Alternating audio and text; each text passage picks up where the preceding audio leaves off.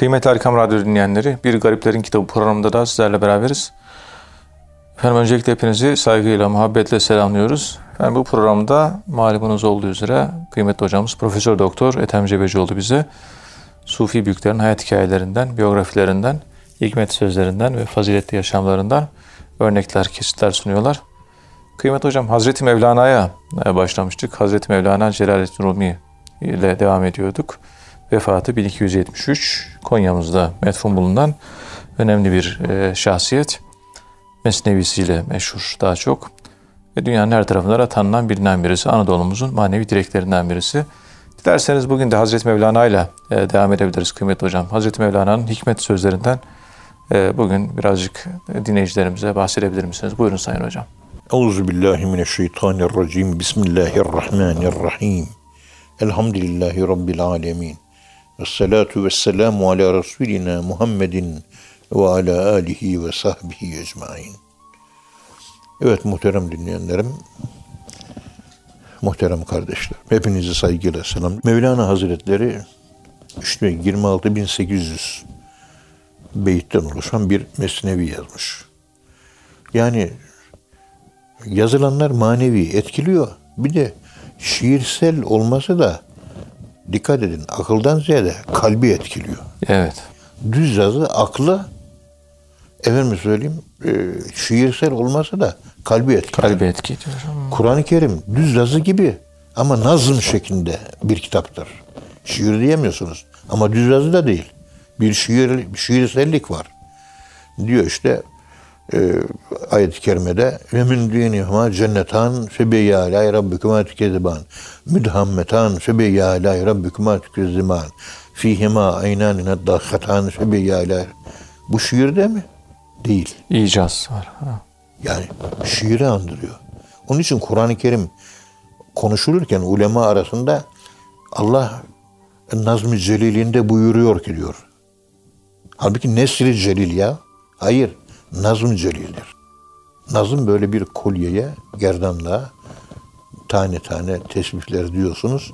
Şimdi nazım o olmuş oluyor. Düzenli bir gerdanlık böyle. Nazım Celil'in yaprağı. Nazm-ı Celil. Evet. İnsanı etkiliyor o nazım halinde olması. O Çeçenlerin böyle milli marşı var. Ben onu çok severim. Çeçen Milli Marşı yani Şeyh Şamil'in akrabaları diyelim. Bu ifadeyi kullanayım. Gece kurt yavrularken geldik dünyaya.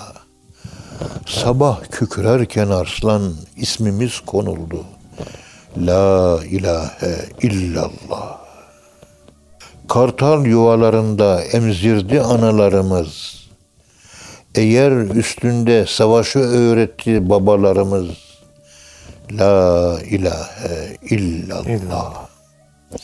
Halk için, vatan için yetiştirdi analarımız. Onlar tehlikede olduğunda yiğit kesildik. La ilahe illallah. İllallah. Dağların şahinleri gibi özgürce yetiştik. Gururla çıktı bozgunlardan, zorluklardan. La ilahe İllallah. illallah. Tunçtan dağlar kurşun gibi erise de onursuz çıkmayız hayattan ve savaştan. La ilahe illallah. Yaralarımızı ağıtlarla sararken bacılarımız maharetle canlanır değerli gözlerimiz. La ilahe illallah. Ey kara toprak, her zerren çatlasa baruttan, sana şerefsiz bir şekilde dönmeyeceğiz. La ilahe illallah. Hiçbir zaman, hiçbir kimseye pes etmedik biz. Ya hürriyet ya ölümdür seçeneğimiz. La ilahe illallah.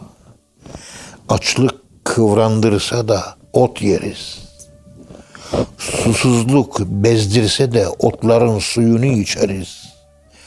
La ilahe illallah. İllallah. Gece kurt yavrularken geldik dünyaya. Halka, vatana ve Allah'a sadığız biz. Sadık kalacağız. La ilahe illallah. Bakın Çeçen Milli Marşı La ilahe illallah marşı. Ne güzel. Marş kelimesi Fransızca'da yürümek anlamına geliyor. Arapçası meşa. Evet. Meşa.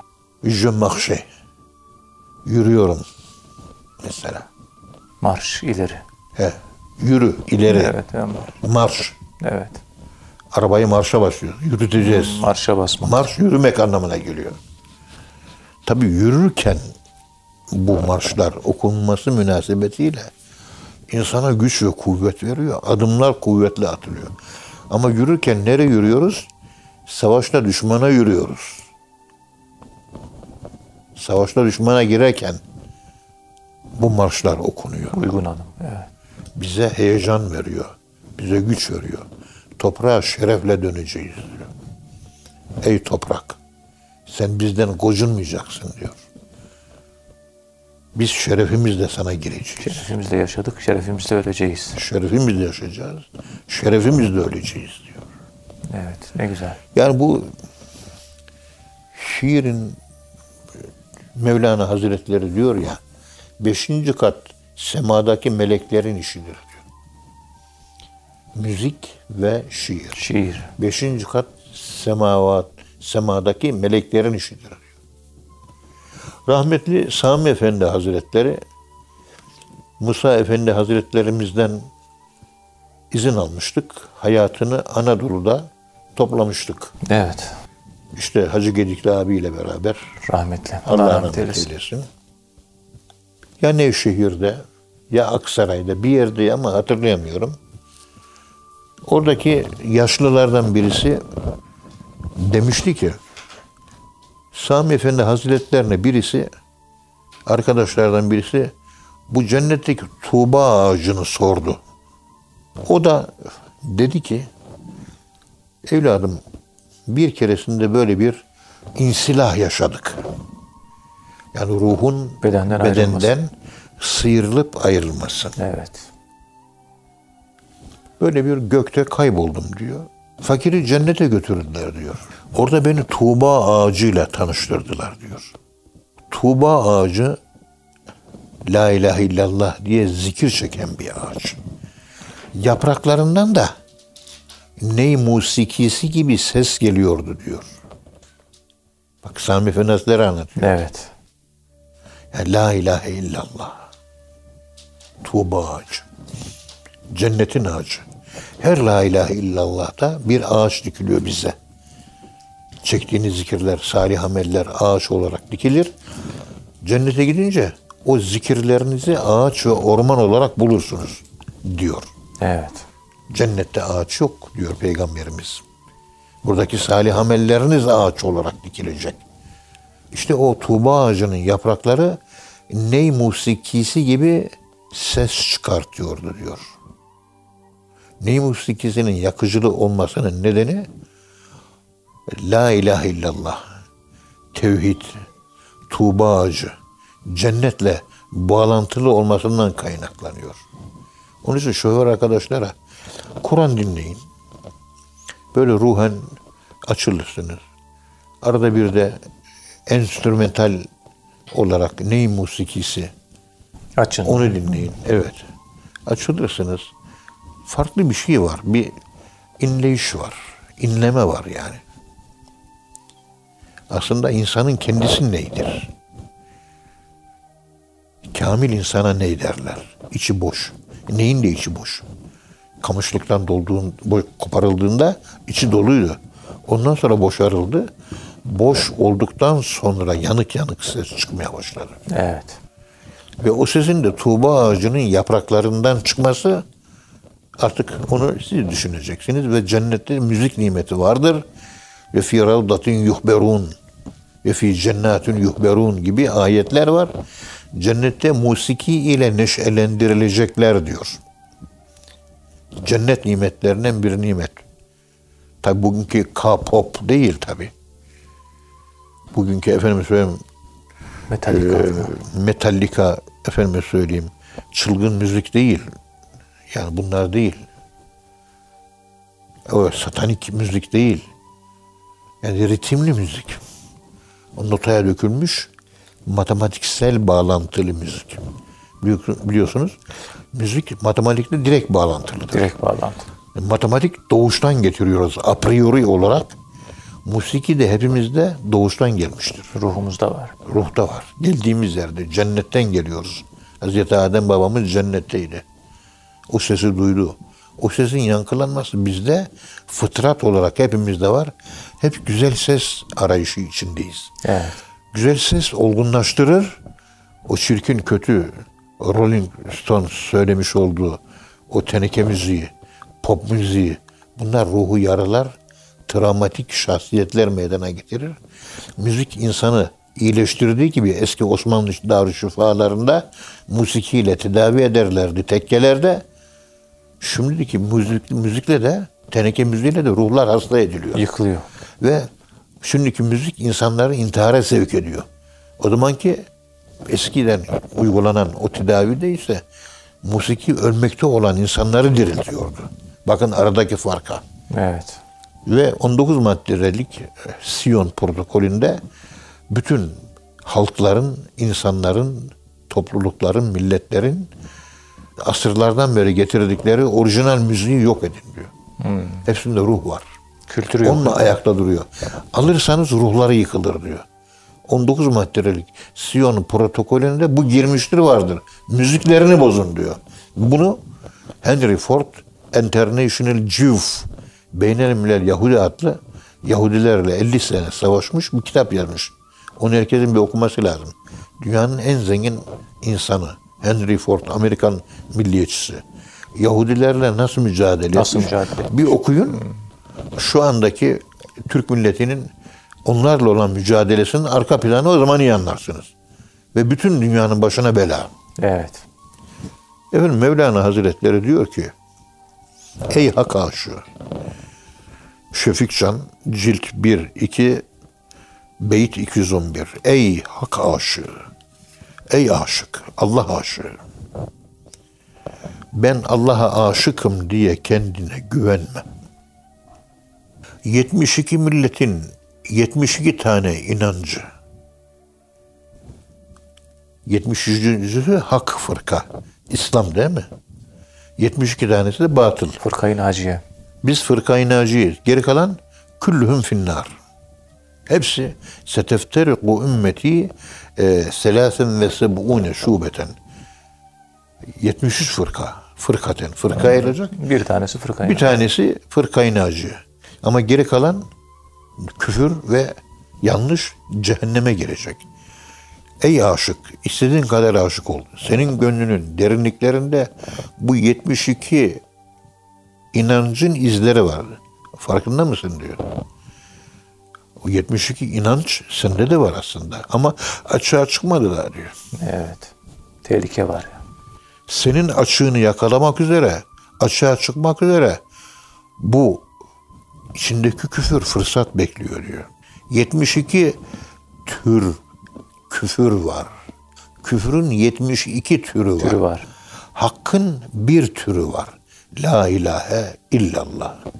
Çiçen Milli Marşı da herhalde sonunda nakarat kelimesi, ifadesi, mottosu olarak La ilahe illallah kullanmasının anlam arka bağlam- bağlamındaki esprisi herhalde bu olsa gerek. Evet. La ilahe illallah bir tane. Hak birdir. Küfür çoktur. Onun için yuhricuhum mine zulümati ile nur. İç aleminizdeki karanlıklar. 72 tane karanlık var içinizde. Onları bir tek nur çıkıyor onlardan. Bir tek. Hak bir tane. Evet. Bakın yuhricuhum mine zulümati ile nur ayet-i kerimesiyle ayet-i kerimesine telmih var burada. Mevlana'nın yazmış olduğu her beyt Kur'an-ı Kerim'de ayet olarak mutlaka var. Ayet karşılıkları var. Aynen var. İran'da işte 200 sene önce e, adamcağız 7 sene 8 sene uğraşmış.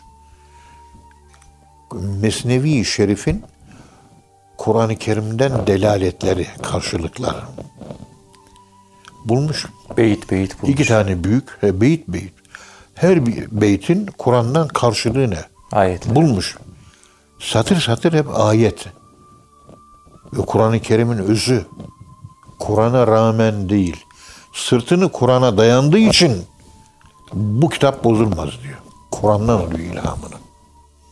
İki cilt halinde Mesnevi beyitlerinin dayanmış olduğu Kur'an ayetleri İran'da çalışıldı, basıldı ve ortaya kondu. Evet.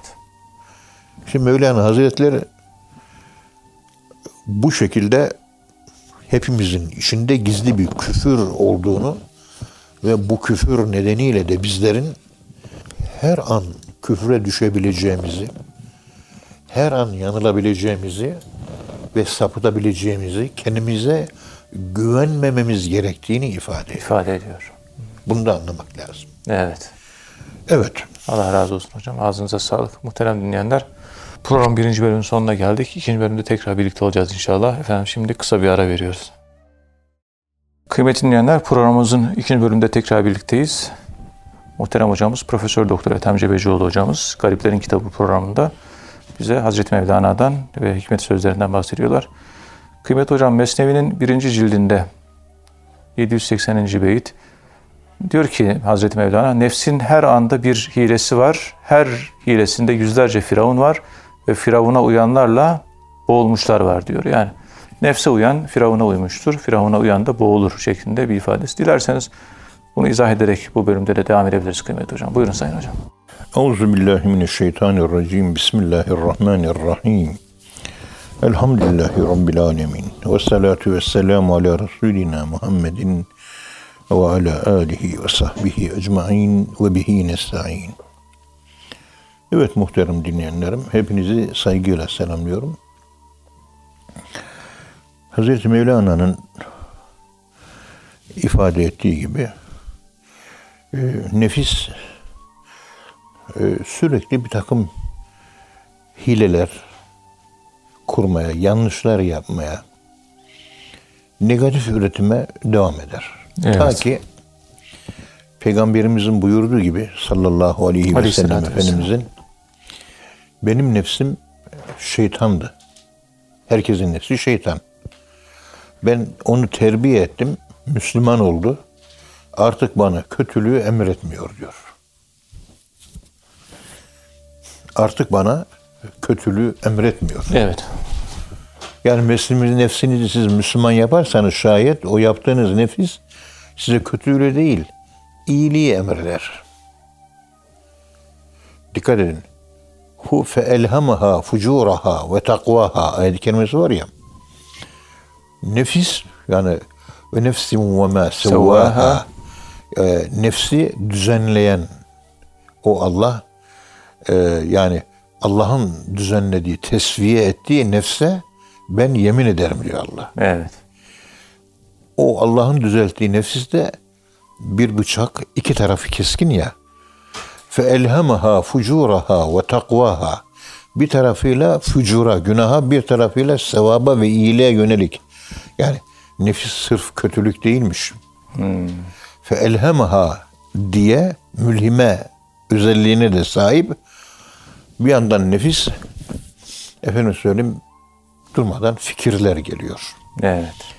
İşte Muddin Arabi de okumuştum. Veyahut da onun bir şer, şerhinde herhalde okudum. Durduk yerde durmadan aklımıza fikirler geliyor değil mi? Tabii. O gelen fikirlerin işte hatıra diyoruz biz bunlara. Yani düşünmeden olmuyor. Bir konuyu düşünürken bir bakıyorsunuz biraz sonra başka bir şey düşünüyorsunuz. Evet. Sürekli bir şey geliyor. Sürekli. Hmm. Bu sürekli bir şeylerin siz elinizde değil bu. Evet. Geliyor elimizde değil. Bu Allah'ın varlığının varoluşunun delilidir diyor. Evet. Hmm. Çok Bizden öte bir şey bize bir şey getiriyor, koyuyor önümüze. evet. İşte nefis de terbiye edilirse takva ile ilgili yayınlar yapar.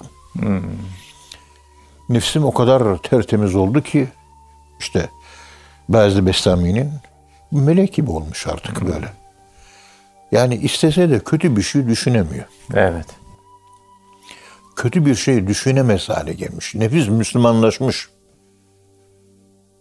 Ruhun imanı, nefsin İslamı.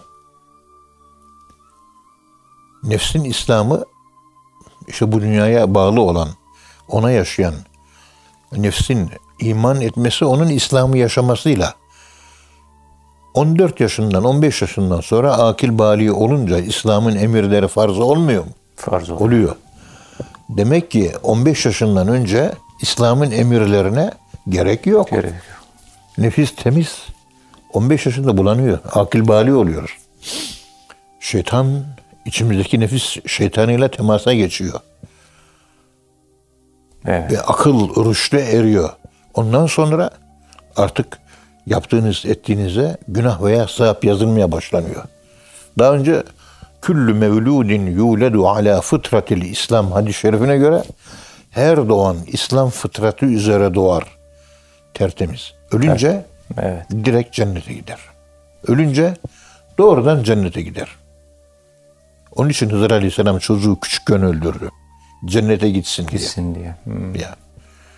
ya bu konuştuğumuzun delili yani 15 yaşına kadar ölenler direkt cennete gider. Kur'an-ı Kerim'deki birkaç tane daha delili var da bir delili de budur işte. Hmm, Bir delil de bu. Evet. Demek ki nefis mesela nefis olgunlaştı mutmainliğe geldi. Mutmainliğe gelmesi artık nefsin kötülüklerden lezzet değil acı duyması. Kötü şeylerden nefis acı duyuyor.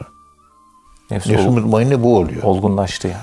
Nefsin mülhime de efendime söyleyeyim e, nefsin levame de nefsin hala istekleri var yani. İstiyor. Vay için burada şu söz konusu.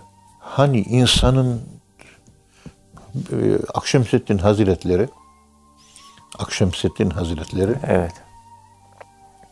Hacı Bayram dergahında Ankara'da yedi tane kırk çıkartıyor. Çile. Yani yedi erbain, yedi çile. Her biri 40 gün, 4 kere 7, 28, 280 gün. Evet. 280 gün bizim anne karnında kaldığımız gündür. 9 ay 10 gün 280 gün eder. Evet.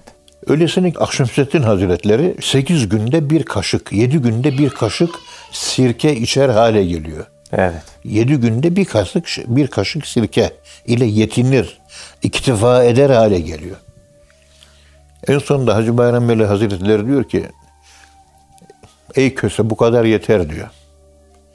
O kadar nefsini arındırdın, nefsin o kadar nurlandı ki insan denen zeyitten nefsin bütün kirlerini, pisliklerini, siyahlıklarını söktün, attın, ak hale geldin.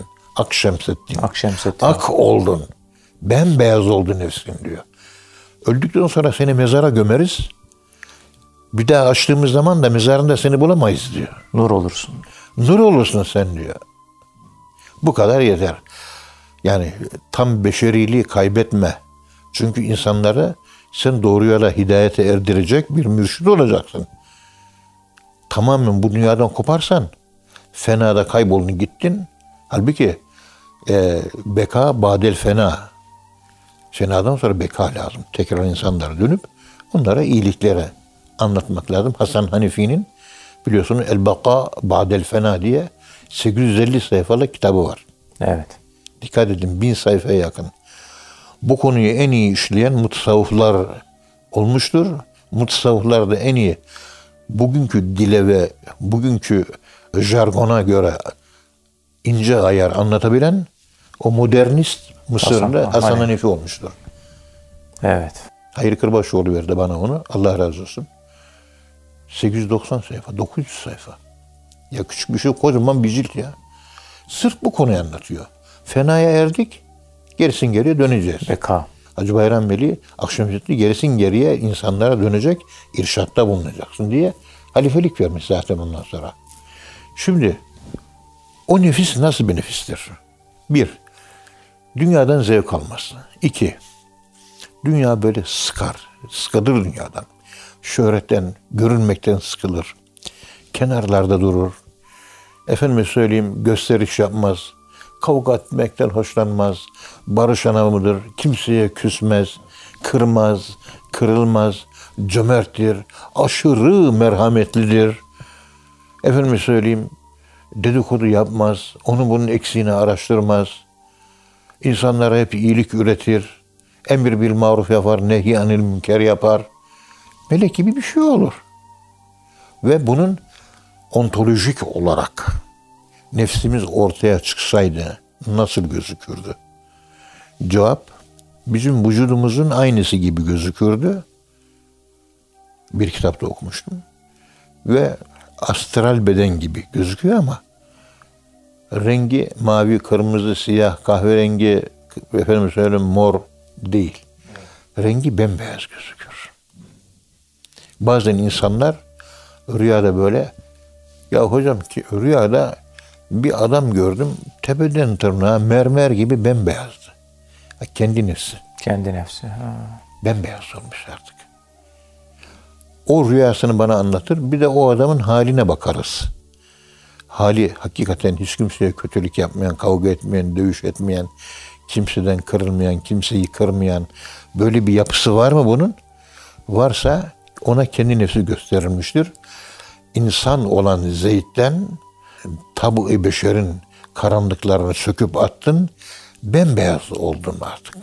Nur olacaksın. Gömersek toprağa seni, aşktığımız zaman mezarda seni bulamayız diyor. Evet. Demek ondan sonra nur olmak var. Nur oluyor.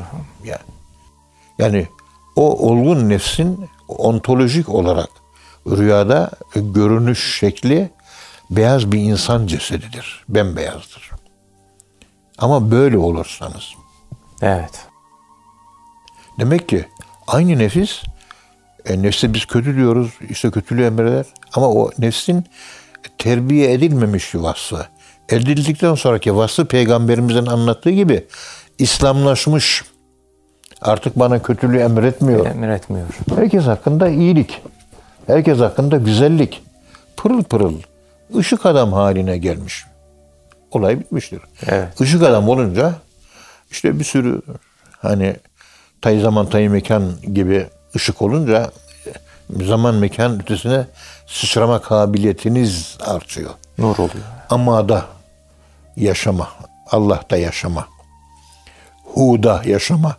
Artık oraya doğru zat tecellilerine doğru bir mesafe, bir gidiş, bir yöneliş söz konusu olur. Evet. İşte buradan hareketle yani buradan hareketle şunu söyleyebiliriz. Ee, nefis evet burada Mevlana bunu yazmış. Bunu anlatıyor. Nefsi emmareyi anlatıyor. Nefsi emmarenin bir anda yani her anda bir hilesi var. Sürekli bir hilesi Sürekli. var. Hmm. Peki aynı nefis e, nefsi mutmainne olduğu zaman her anda bir inşa ediciliği. Bir anda bin tane inşa ediciliği var. O iyiliği düşünür, bu iyiliği düşünür, şu iyiliği düşünür. Daha önce neydi? Emmareydi. O kötülük, bu kötülük bir anda bin tane kötülük düşünür diyor. Ama olgunlaştıktan sonra bin tane inşa edicilik, iyilik, güzellik, hayır, olumlu şeyler, faziletler bunları üretiyor diyor. Evet. İşte bu şekilde nefsi e, emmarenin hilesinde yüzlerce firavun olur. İşte bu nefsi emmarenin tuzaklarına düşerseniz Firavun'a, nefis Firavun'una uymuşsunuzdur. Evet. Hani tarihte bir zamanlar Firavun'a uyanlar gitti de Kızıldeniz'de boğuldu ya. Oldu. Siz de. Nefis Firavun'una uyarsan sen de gidersin bir Kızıldeniz'de boğulursun. Allah Dikkat et diyor. Güzel değil mi? Çok güzel. Evet. Nefsi bizzat Firavun. Ruh da Hazreti Musa oluyor. Ve bu bedende ikisinde Firavun da yaşıyoruz. Hazreti Musa. Hazreti Musa'lık yönümüzü güçlendirmeliyiz ibadet taatlerle, hayır amellerle, şeriatı, Kur'an'ı ve sünneti yaşayarak takva ile kuvvetlendirelim. Kötülük yaparak Firavun'u kuvvetlendirmeyelim. Onun için Mevlana Hazretleri insanın kalbinde iki ordu var diyor. Bir Allah ordusu, iki şeytan ordusu. Şeytan ordusu. Salih amellere yönelirsen Allah'ın ordusu kuvvetlenir. şeytanın tuzağı, hilesi boşa. Boşa gider. Yani ayet-i keriminde inne keyde şeytani kâne daifa. Şeytanın hilesi, mekru tuzağı zayıftır diyor. Evet. İnne keyde hünne azim diyerek nefsin tuzağının daha kuvvetli olduğunu söylüyor. Allah ikisinden de korusun tabii. Nefis şeytandan daha tehlikeli. Dışarıda bir şeytan zaten durmadan vazife yapıyor, kötülük. Eğer nefis mutmainliğe gelir, iyi olursa şeytanın yaptığı yayınları Almıyor. bu anten almaz. Nefiste televizyon olarak şeytanın ilkaatı gözükmez, kötülük gözükmez. Hep iyilik, hep güzellik gözükür. Evet. Çünkü melek sıfat olmuştur. Melekler kötülük düşünemez. Kötülük yapamazlar. Ve sürekli itaat üzeredirler. Dikkat et. Sürekli itaat halindedirler. Evet. Onların bu sürekli itaat halinde oluşları nefs mutmainne, nefsi raziye, nefsi merziye, nefsi kamil olarak gözükür. İşin ilginç tarafı da şudur vahiyciğim. Rüyada koyun gördüğünüz zaman bu nefsi mutmainnedir. Nefsi mutmainne. Hocam koyun gördüm. Ha senin nefsin ya mutmainne oldu veyahut da nefsi mutmainne olmanın kapısı sana açıldı. Hadi buyur bundan sonra nefsi mutmainne olmanın özelliklerini kitapta oku. Takvanı ona göre yükselt anlamına geliyor. Çünkü takva ile ilgili kaçıncı 64. ayet miydi? Ee, En'am suresinin geçen okuyordum da işaret koydum. Dört tane basamak koymuş. Yani ayet-i kerime diyor ki şöyle kısaca. Birinci aynı ayette geçiyor bu. Dört tane bir basamak anlatılıyor ayette. Özet söylüyorum ben. Bir, iman diyor. Evet. İki, amel diyor. Salih Amer. Aynı ayette geçiyor bu. Üç, takva diyor. Evet. İman. Önce iman. Ondan sonra salih amel. Ondan sonra takva. Dört, ihsan diyor. Takvadan sonra. Dikkat edin. Tasavvufun gayesi ta- önce takva, takvadan sonra da ihsana yani Allah'ı görüyormuş gibi ibadet etmek. Evet. İşte ihsana eren bir kimse nefs mutmainne kapısından girmiştir. Rüyada koyun görür. Biraz daha olgunlaşır. Rüyada öküz görür. Yani kurbanlık hayvanlar görülür. Dikkat et. Evet. Birinci ölümdür. Koyunu kurban ediyoruz. Nefsimizi kurban ediyoruz. Ondan sonra sığır kurban Sonra ederiz. kurban ediyoruz. Nefsi marziye de, de deveyi kurban ediyoruz. Nefsi kamile de artık kendimizi kurban ettik. Evet. Nefis var. Bir de nefis beden bütünlüğü var. Onun tamamı kurban edilmiştir. Olay bitmiştir. Ayet-i kerimede o kadar güzel. Hani dört kapı, dört makam diye anlatılıyor. kapı, Bize makam. soruyorlar. Yani Kur'an-ı Kerim'de bunun delili var mı? Bir bu ayet var, bir, bir, bir ayet daha var. İman ettiler. Ondan sonra yine iman ettiler. Takvasa. Ame, sümme amenü sümmet taka. Ayet yine de sümme amenü sümmet taka. Sümme amenü sümmet taka. Evet. İman ettiler, takvalı oldular. Arda arda dört defa geçiyor bu yapı. Bu dörtlü yapı şimdi bu Enam suresi 64 mü? Ya işte unuttum yani özür diliyorum. Yaşlıyım artık. Bu dörtlü yapı o bir başka ayette daha açık net anlatılıyor. Evet dört kapı dört makam var. Delili de Kur'an'dan bu ayetlerdir. Bizim tasavvucular da bunun delili hangi ayet diye ayet arıyorlar hala. Ayet var işte Kur'an-ı. Kerim'de. Ve dört tane ayrı bölmeden bahsediliyor. Nefsi raziye, şey, e, emmare bir. Efendim söyleyeyim, Levvame. nefsi mülhime iki, levvame iki. Levvame. E, efendim söyleyeyim, Mülhime. e, mülhime üç, Mutmain. mutmainne dört. Bitti. Birincisi değil.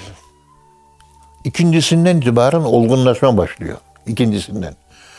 Mutmainne geldik ya. Evet. Mutmainne, raziye, merziye üçü aynı. Tek bir nefistir diye kitaplar yazıyor. Kamile ondan sonra geliyor. Ama mutmainneden sonra kamile geliyor. Ve raziye, marziye mutmainnenin olgunlaşma aşamaları. Önce emmare, ondan sonra levvame, ondan sonra mülhime geldi mi? Üçlü. Tamam. Üç. ha. Mutmainne Dört. artık e, bir varacağın yere vardın. Nefis e, görüntüsü siyahlıktan, grilikten renklilikten kurtuldu. Renksiz oldu, beyaz oldu. Ve o mutmainnenin içinde raziye, merziye de var. Ondan sonra tekamül gelişiyor. Ondan sonra kamile. Ve o üç, nefsi mutmainnenin üç hali, mutmainne, raziye, merziye, koyun, sığır ve deve. Kurbanlık hayvanlar. Ve bize Kur'an-ı Kerim'de kurban kesin derken Kur'an-ı Kerim'de Kevser suresinde venhar diyor Allah. Deve kurban etti. Bu Venhar demek koyun kurbanı değil, öküz kurbanı değil.